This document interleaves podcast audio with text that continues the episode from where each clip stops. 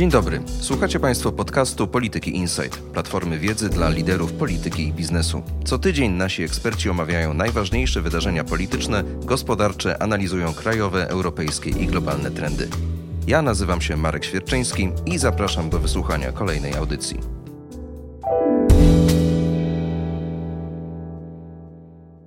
Zamieszanie z Brexitem trwa w najlepsze, mimo że w przyszłym tygodniu upływa jego termin, przynajmniej ten, który obowiązywał od około dwóch lat.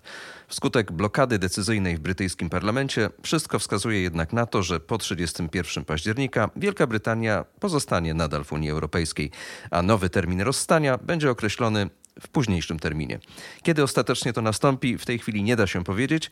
Nie można też określić, na jakich warunkach to się stanie, a tak naprawdę nie ma absolutnej pewności, czy Brexit w ogóle nastąpi. Żeby te zawiłości wyjaśnić, zaprosiłem Pawła Wiejskiego, naszego analityka do spraw europejskich, który te kolejne zwroty akcji w brexitowej sadze śledzi pilnie. Witaj, Pawle. Co się w tej chwili da powiedzieć, oprócz tego, że nadchodzi zima? Dzień dobry. Tak jak powiedziałeś, dużo w ostatnich tygodniach było zwrotów akcji i w końcu wychodzi na to, że nie za bardzo można powiedzieć, co się stanie wkrótce. Możemy prześledzić, co się stało i w jaki sposób znaleźliśmy się w tym punkcie, w którym jesteśmy. Rozmawiamy w piątek, 25 października. Dzisiaj spotykają się ambasadorowie państw 27 unijnej, którzy mają postanowić, co zrobić z odroczeniem Brexitu, bo taki właśnie wniosek wpłynął ze strony Brytyjczyków, żeby Brexit odroczyć. Propozycja brytyjska, wymuszona przez parlament, zawiera termin 31 stycznia sam Boris Johnson wysłał do Donalda Tuska list, w którym jakby sprzeciwił się, powiedział, że to jest kiepski pomysł, żeby odraczać Brexit i również, że w rozmowie telefonicznej z Donaldem Tuskiem próbował go przekonać, żeby nie zgodził się na wniosek, który sam Boris Johnson wysłał do Brukseli.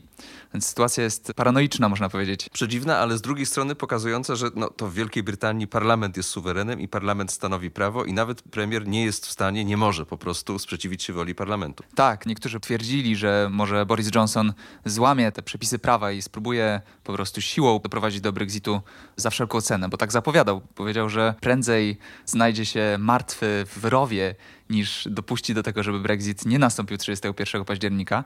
No ale zdaje się, że już się pogodził z tym faktem, dlatego że w ostatnich dniach zapowiedział, że dopiero 6 listopada posłowie Izby Gmin będą mieli kolejną szansę, żeby zagłosować nad wynegocjowanym przez niego porozumieniem. Ja właśnie zapamiętałem takie zdanie, które on wypowiedział po kolejnym nieudanym dla siebie głosowaniu w Izbie Gmin, że to znaczące głosowanie zostało właśnie pozbawione znaczenia. Chodziło o to, że posłowie Izby Gmin nie zgodzili się na to, żeby ponad 100-stronicowy dokument prawny, czyli akt implementujący umowę brexitową, przepchnąć przez parlament w ciągu trzech dni, czy nawet mniej, 48 godzin. Poza tym, no tutaj nie chcę wchodzić za bardzo w zawiłości brytyjskiego systemu prawnego, ale można powiedzieć, że Johnson, mimo tego, że jakby zmaga się z wieloma problemami i nie uda mu się osiągnąć celu wyprowadzenia Wielkiej Brytanii z Unii 31 października, to już wiemy na pewno, to jednak jest bliżej niż kiedykolwiek była Theresa May, żeby to porozumienie przyjąć. W sobotę na nadzwyczajnym posiedzeniu Izby Gmin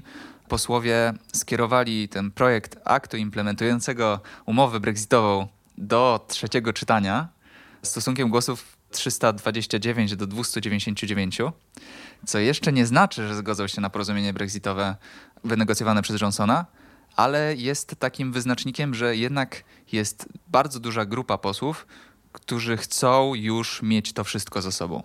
Wśród tej grupy, co ciekawe, znaleźli się również byli posłowie Partii Konserwatywnej, których Johnson kilka tygodni temu wyrzucił z partii za to, że zagłosowali przeciwko niemu w innym głosowaniu, i również znalazło się tam kilkunastu posłów Partii Pracy.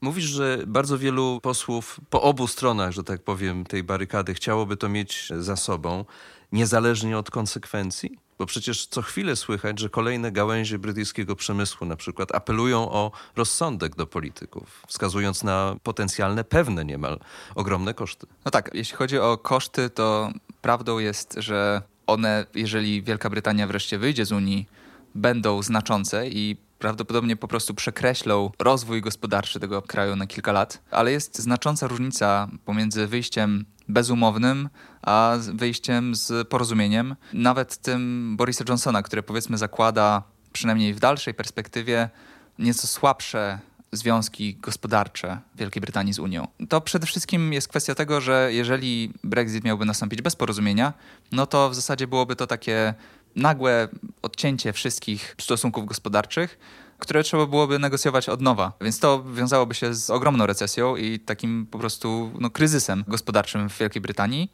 No i też bardzo złymi konsekwencjami dla reszty Unii. Ale jeżeli porozumienie udałoby się przyjąć, to wtedy przynajmniej nastąpiłby okres przejściowy, podczas którego Wielka Brytania nie miałaby wpływu na decyzje podejmowane przez Unię, ale byłaby, no powiedzmy, członkiem na obecnych zasadach, czyli nadal miałaby dostęp do wspólnego rynku europejskiego i nadal mogłaby bez żadnych opłat sprzedawać swoje towary w Unii, również importować towary unijne. Więc tutaj oczywiście nadal straciłaby przez to, że po okresie przejściowym musieliby oczywiście wynegocjować porozumienie. Negocjacje jeszcze się nie zaczęły, a to jest dopiero początek, to co mamy w tym momencie, dlatego że negocjacje o umowie handlowej między Wielką Brytanią a Unią będą równie trudne, jeżeli nie trudniejsze niż porozumienie o wyjściu, ale jednak to przejście byłoby łagodniejsze. No i to jest ten powód, dla którego dla wielu posłów ta umowa jest atrakcyjna. Jedną z tych największych trudności które wyszły przy okazji tych negocjacji brexitowych, była kwestia Irlandii Północnej i tak zwanego backstopu. I zdaje się, że jeżeli w ogóle można mówić o jakimkolwiek sukcesie Borisa Johnsona, oprócz tej kwestii politycznej, prawda, że on zdaje się być najbliżej dowiezienia tego wyniku referendum brexitowego do skutecznego końca, to jemu udało się chyba rozwiązać ten problem backstopu irlandzkiego, prawda? Jak to zostało rozwiązane? Po części tak, z drugiej strony to rozwiązanie jest łudząco podobne do backstopu w jego oryginalnej formie, bo początkowo backstop miał obejmować tylko Irlandię Północną, czyli Irlandia Północna miała mieć inne stosunki z Unią Europejską niż reszta Zjednoczonego Królestwa. Teresa May nie chciała się zgodzić na to rozwiązanie ze względu na to, że potrzebowała głosów irlandzkich unionistów, którzy nie mogli dopuścić do sytuacji, w której Irlandia Północna miałaby w zasadzie faktyczną granicę przez zresztą... Przez lądowe terytorium tak. wyspy Irlandii, prawda? Z, z Republiką Irlandzką. Tak, ale nie przede wszystkim chodziło o granicę między Irlandią Północną a resztą Zjednoczonego Królestwa.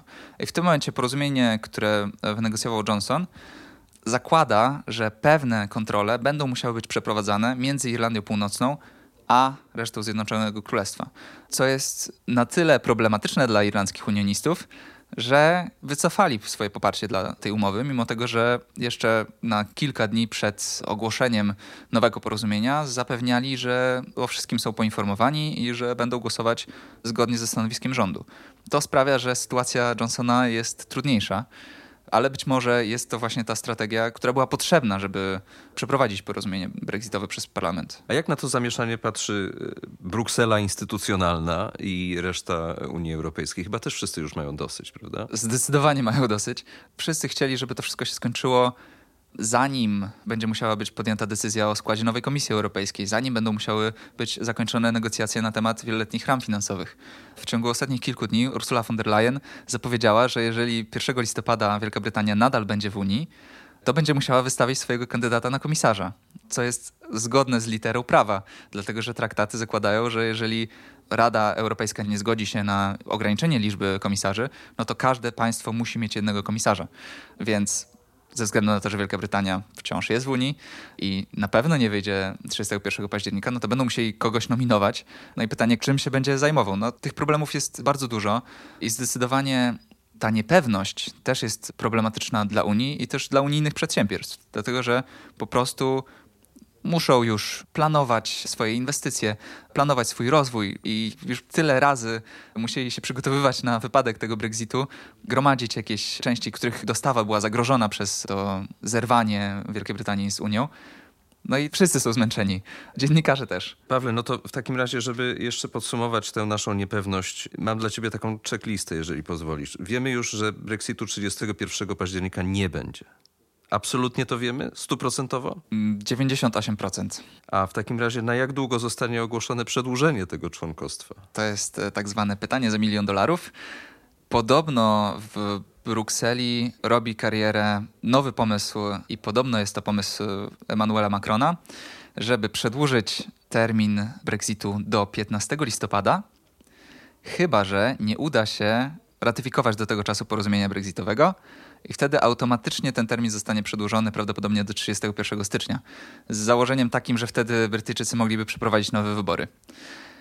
Drugą możliwością jest przedłużenie po prostu do 31 stycznia, ale z takim zastrzeżeniem, że jeżeli wcześniej uda się ratyfikować porozumienie, to mogą wyjść również wcześniej. Ale to wychodzi na to samo. Czy, czy ja czegoś nie rozumiem? Tak, ale z dotychczasowego doświadczenia z odraczaniem terminu Brexitu wynika, że jeżeli odroczymy termin Brexitu do jakiejś daty, to możemy być pewni, że dyskusje na ten temat będą toczyć się do tygodnia przed tą datą. Czyli być może jest to też wyraz tego, tego zmęczenia. To bardziej chcieli, kwestia... Chcieliby y, mieć to y, z głowy. Czy będą te wybory w Wielkiej Brytanii? A jeżeli tak, to kto je wygra? Wybory w Wielkiej Brytanii będą na pewno. Będą albo pod koniec tego roku, jak chce tego Partia Konserwatywna a raczej no, Boris Johnson. 12 grudnia, zdaje 12 się, tak? grudnia to jest ten termin, który Boris Johnson proponuje i głosowanie na ten temat odbędzie się, zdaje się, na początku przyszłego tygodnia. Partia Pracy jeszcze nie wie, jeszcze nie postanowiła, czy się na to zgodzi, dlatego że no, jest to termin narzucony przez Johnsona, dlatego że jest dla niego korzystny, bo w sondażach nadal Johnson prowadzi i jeżeli uda mu się w końcu doprowadzić do tego Brexitu, zwłaszcza umownego, czyli nie będziemy mieli od razu negatywnych skutków gospodarczych odczuwalnych dla obywateli, to jest bardzo duża szansa, że on te wybory wygra, dlatego że zrobił to, co obiecał, wyprowadził Wielką Brytanię z Unii, nareszcie jesteśmy wolni od biurokratów z Brukseli, więc to na pewno da mu bonus w sondażach, a sondaże w tym momencie wskazują na to, że konserwatyści mają przewagę około 10-punktową nad Partią Pracy, dlatego że Partia Pracy traci wyborców na rzecz takich partii jak Liberalni Demokraci i Zieloni, którzy są otwarcie prounijni, a z kolei Partia Pracy stara się balansować pomiędzy tą postawą, że no, Unia jest w porządku, a z drugiej strony, że część naszych wyborców głosowała za Brexitem i musimy to uszanować. No i na koniec to pytanie, które powraca niemal od samego początku, od 2016 roku. Czy będzie powtórne referendum w sprawie Brexitu? Tutaj też nie da się odpowiedzieć łatwo na to pytanie. Jest to jedna z teorii, że posłowie głównie opozycji mogą prowadzić poprawkę do porozumienia, które proponuje Boris Johnson, że zgadzają się, ale pod warunkiem, że zostanie zorganizowane drugie referendum, tym razem o treści porozumienie Johnsona albo zostajemy w Unii. Wydaje mi się, że to się nie stanie, na pewno nie w tym parlamencie, ze względu na to, że po prostu posłów, którzy popierają drugie referendum, jest za mało. Nie wystarczy, żeby przeprowadzić tę poprawkę, przynajmniej na stan wiedzy, który mamy dzisiaj.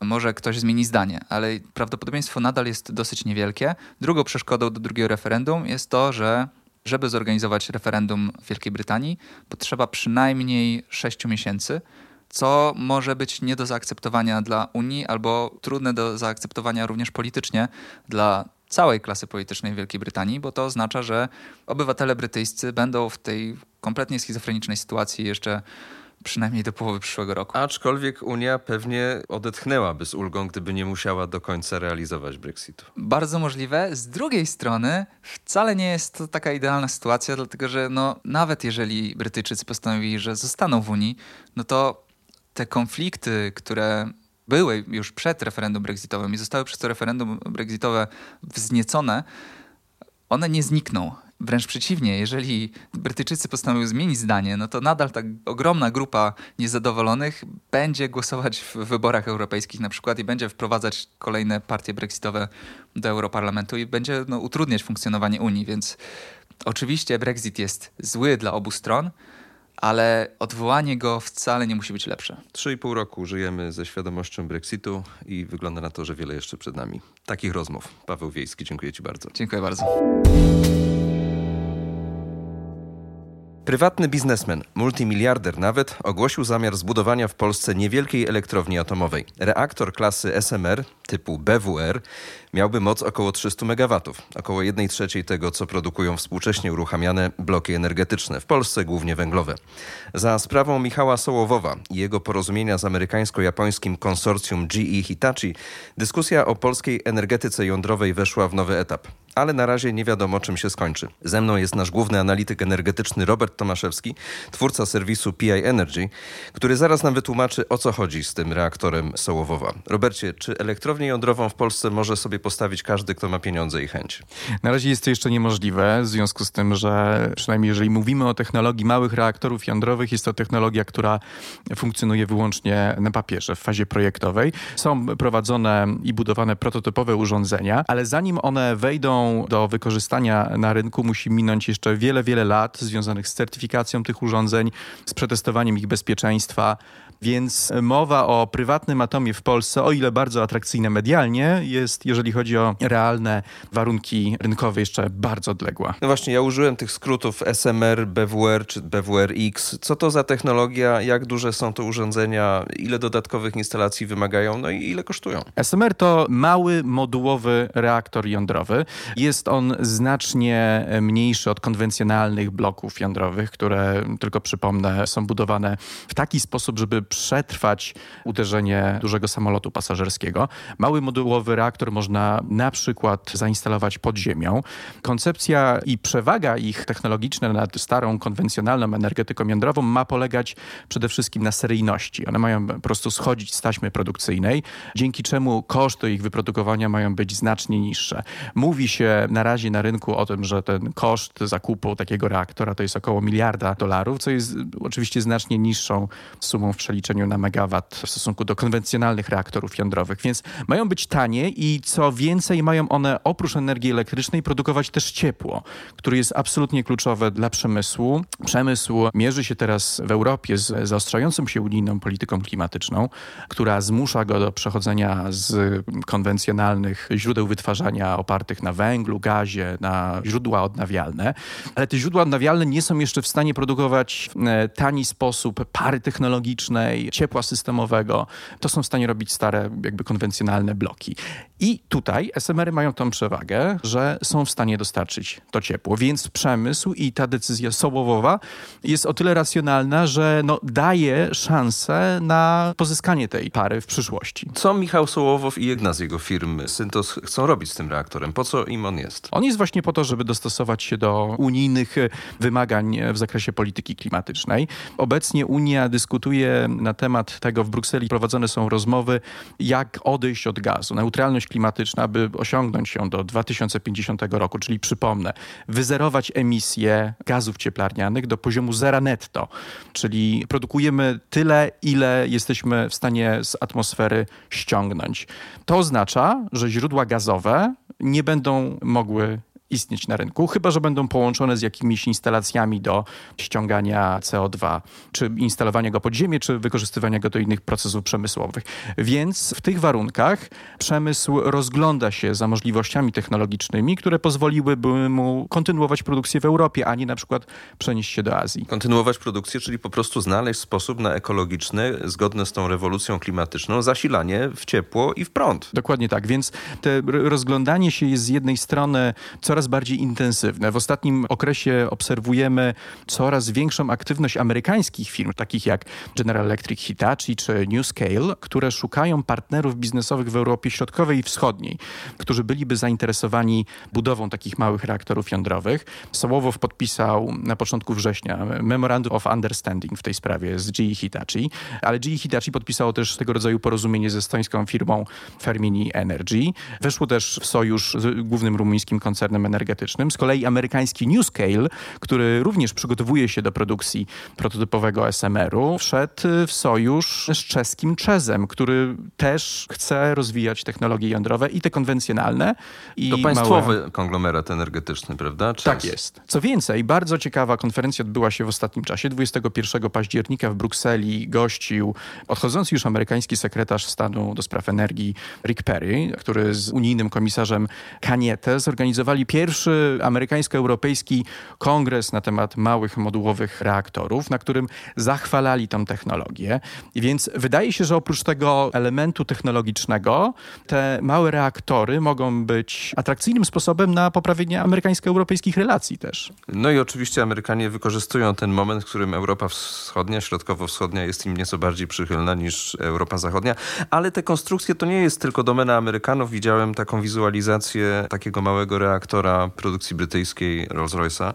Wygląda na to, że wskutek tej rewolucji klimatycznej tak naprawdę poważni ludzie, którzy zastanawiają się, jak zapewnić sobie, swoim biznesom przyszłość i bezpieczeństwo energetyczne, myślą trochę w oderwaniu od tej polityki państwowej. Być może nawet nie mają do niej zaufania. Jest tak, że na pewno tempo zaostrzania się unijnej polityki klimatycznej zaskoczyło bardzo wielu interesariuszy i zarówno po stronie politycznej i biznesowej. I tempo odchodzenia od paliw kopalnych, znaczy już nikt nie na przykład nie dyskutuje o węglu, tak? Wszyscy wiedzą o tym, że węgiel umarł już wczoraj, tak? Teraz dyskutujemy o tym, jak zabić gaz. Więc biorąc pod uwagę to tempo, wydaje się, że nie uda nam się osiągnąć neutralności klimatycznej bez atomu. No i teraz powstaje wielkie pytanie, i to też jest jakby pytanie dla przemysłu. Czy bardziej opłaca się mu inwestować właśnie w te bardzo innowacyjne technologie jądrowe, które pozwalają z jednej strony zapewnić dostęp do tych kluczowych komponentów dla przemysłu, czyli pary, gorącej wody i tak czy czekać na taniejące magazyny energii i odnawialne źródła energii? To jest pytanie, które przemysł sobie teraz stawia, ponieważ oni teraz, wielkie fabryki, huty, cementownie, one teraz muszą podejmować decyzje, z czego będą wytwarzać energię i parę za 10-15 lat. I chwilowo tą jedyną wiarygodną odpowiedzią dającą perspektywę kolejnych kilkudziesięciu lat bezpieczeństwa energetycznego jest energetyka jądrowa. Tutaj bym trochę polemizował. To jest jedna z opcji i jeszcze opcja, która jest wyjątkowo niepewna. Nie wiemy, kiedy SMR-y wejdą na rynek, nie wiemy, ile będą dokładnie kosztować, e, nie wiemy, jak duże zainteresowanie będzie ze strony rynku, a to też wpłynie oczywiście na cenę. Alternatywny scenariusz, który jest jakby brany pod uwagę przez przemysł, e, jest taki, że wykorzystując jednak te odnawialne źródła energii i budując własne, czy to farmy wiatrowe, czy to instalacje fotowoltaiczne, łącząc to wszystko z bateriami, będzie udawało się i wytworzyć parę, i wytworzyć te niezbędne komponenty do produkcji przemysłowej. Ale trend istnieje, tak. Też bardzo interesujące rzeczy dzieją się na wschodzie, jeżeli chodzi o te coraz mniejsze reaktory. Rosatom na początku tego roku zwodował pierwszą pływającą elektrownię jądrową, też przypominającą taki mały reaktor. Ona ma 300 MW mocy cieplnej i 70 MW elektrycznej. Ma dostarczać prąd właśnie w tych odległych odległych obszarach Syberii, więc ta miniaturyzacja energetyki jądrowej wydaje się trendem, który nawet jeśli w Europie nie znajdzie zapotrzebowania, to na świecie będzie rozwijany, co też już jest jakoś tam bardzo ciekawe. No i to się oczywiście dzieje od dłuższego czasu, bo przecież wszyscy zdajemy sobie sprawę, że okręty lodołamacze czy też okręty bojowe bywają zasilane reaktorami jądrowymi i dzieje się to od wielu dziesiątek lat. Zawsze, kiedy dyskutujemy o energetyce jądrowej, pojawia się wielki czerwony czerwony napis bezpieczeństwo. Jak to jest, czy też jak to może być z bezpieczeństwem tego rodzaju niewielkich instalacji, niewielkich do tego stopnia, że mogą być przewożone na ciężarówce po prostu. Te reaktory, przypomina to taką wielką beczkę z zamkniętym w środku tym urządzeniem. Już sam wspomniałeś, że no one nie są budowane w takim standardzie, który miałby wytrzymać chociażby właśnie uderzenie samolotu, czy trzęsienie ziemi, czy jakikolwiek atak. Kto to nadzoruje, w jaki sposób możemy być pewni, albo albo do jakiego stopnia niepewni bezpieczeństwa tego typu urządzeń? Na razie nie wiemy, ponieważ nigdzie nie działa jeszcze komercyjna jednostka tego typu, więc nigdzie ona jeszcze nie przeszła, jeżeli chodzi o SMR, procesu certyfikacji. Nie, nie ma procedur, które by e, pozwalały oszacować, jak wygląda koszty zapewnienia takiego bezpieczeństwa i jakich uwarunkowań prawnych tak naprawdę potrzebujemy. Na pewno z tego, co możemy teraz określić, no to wyobraźmy sobie, to będą małe jednostki, prawda, które dosyć gęsto będą podłączane do sieci, które które mogą spotkać się na przykład z bardzo nieprzychylnym również odbiorem lokalnych społeczności, prawda? No bo o ile budujemy dużą, wielkoskalową elektrownię jądrową, no to mamy jedno miejsce, które naprawdę zabezpieczamy na wszystkie możliwe strony, tak? Nikt tam nie może wjechać, ono jest chronione zewsząd. Natomiast jeżeli tych jednostek jądrowych będzie znacznie więcej, no to pojawia się pytanie, no, czy my jesteśmy bezpieczni, tak? Znaczy producenci, znaczy jeszcze nie producenci, ale firmy, które przygotowują się do produkcji tego typu technologii, Przekonują, że to jest technologia wyjątkowo bezpieczna. Sam GE Hitachi reklamuje się, że jest w stanie przetrwać ponad tydzień bez dostaw energii elektrycznej z, z zewnątrz, ten ich reaktor RX300, dzięki wykorzystaniu pasywnego systemu chłodzenia. Więc one reklamowane są jako wyjątkowo bezpieczne, no ale rzeczywistość prawdopodobnie zweryfikuje te tezy. No i musimy również brać pod uwagę, że zdanie mieszkańców będzie tutaj kluczowe. No, nie każdy chce mieszkać obok reaktora jądrowego, nawet takiego, który jest wyjątkowo bezpieczny i zanurzony gdzieś pod ziemią. To prawda, ale być może wiele osób spojrzy na to od tej strony, że być może do takiego reaktora będzie się można po prostu podłączyć i wtedy mieć energię elektryczną być może taniej niż z sieci państwowej czy publicznej, być może bardziej stabilną. Czy można sobie wyobrazić, że tego typu urządzenia to będzie taka sieć atomowych prosumentów? O atomowych prosumentach jeszcze chyba bym nie mówił, bo to jest chyba pieśń bardzo, bardzo odległej przyszłości.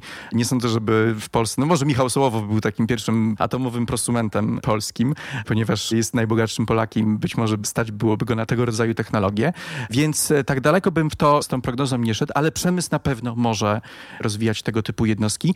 Trend, jaki dzieje się obecnie, to jest demokratyzacja energetyki. Tak? Znaczy energetyka przechodzi z centrum i schodzi do regionów i schodzi coraz niżej. I zarówno zarządzanie siecią energetyczną, jak budowa źródeł, to wszystko podchodzi pod nasz płot, wchodzi na nasz dach to my będziemy producentami. W przyszłości to ja będę sprzedawał tobie energię elektryczną, a ty będziesz mi składał zamówienie na dodatkowe megawattogodziny na przyszły miesiąc. To wymusza logika reform, jakie przygotowała Komisja Europejska w ramach pakietu zimowego i to się dzieje.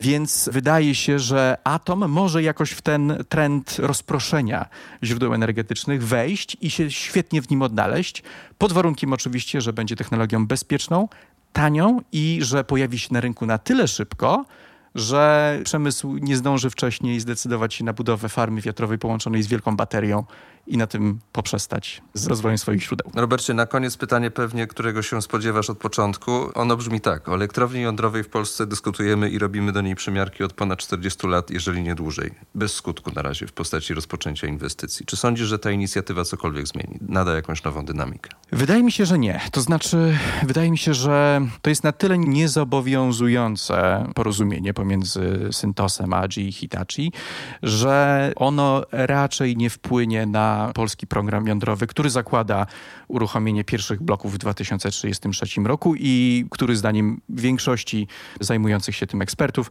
jest nierealistyczny, jeżeli chodzi o daty i szacowane koszty. Wciąż nie mamy modelu finansowego, wciąż nie mamy decyzji politycznej w sprawie budowy reaktorów. Mamy multum deklaracji przez ostatnie cztery lata kadencji rządu PiSu. One pojawiały się bardzo często ale poza kampaniami informacyjnymi na Twitterze niewiele się wydarzyło tak naprawdę. No, czyli świat ucieka, a my jesteśmy tam, gdzie się czujemy najlepiej. Bardzo dziękuję. Robert Tomaszewski, który będzie dla Państwa przygotowywał swój własny energetyczny podcast. Premiera już w przyszłym tygodniu, prawda? Tak jest. Bardzo serdecznie Państwa zapraszam do słuchania. Dostępny będzie na kanałach Polityki Insight. Bardzo Ci dziękuję. Dziękuję.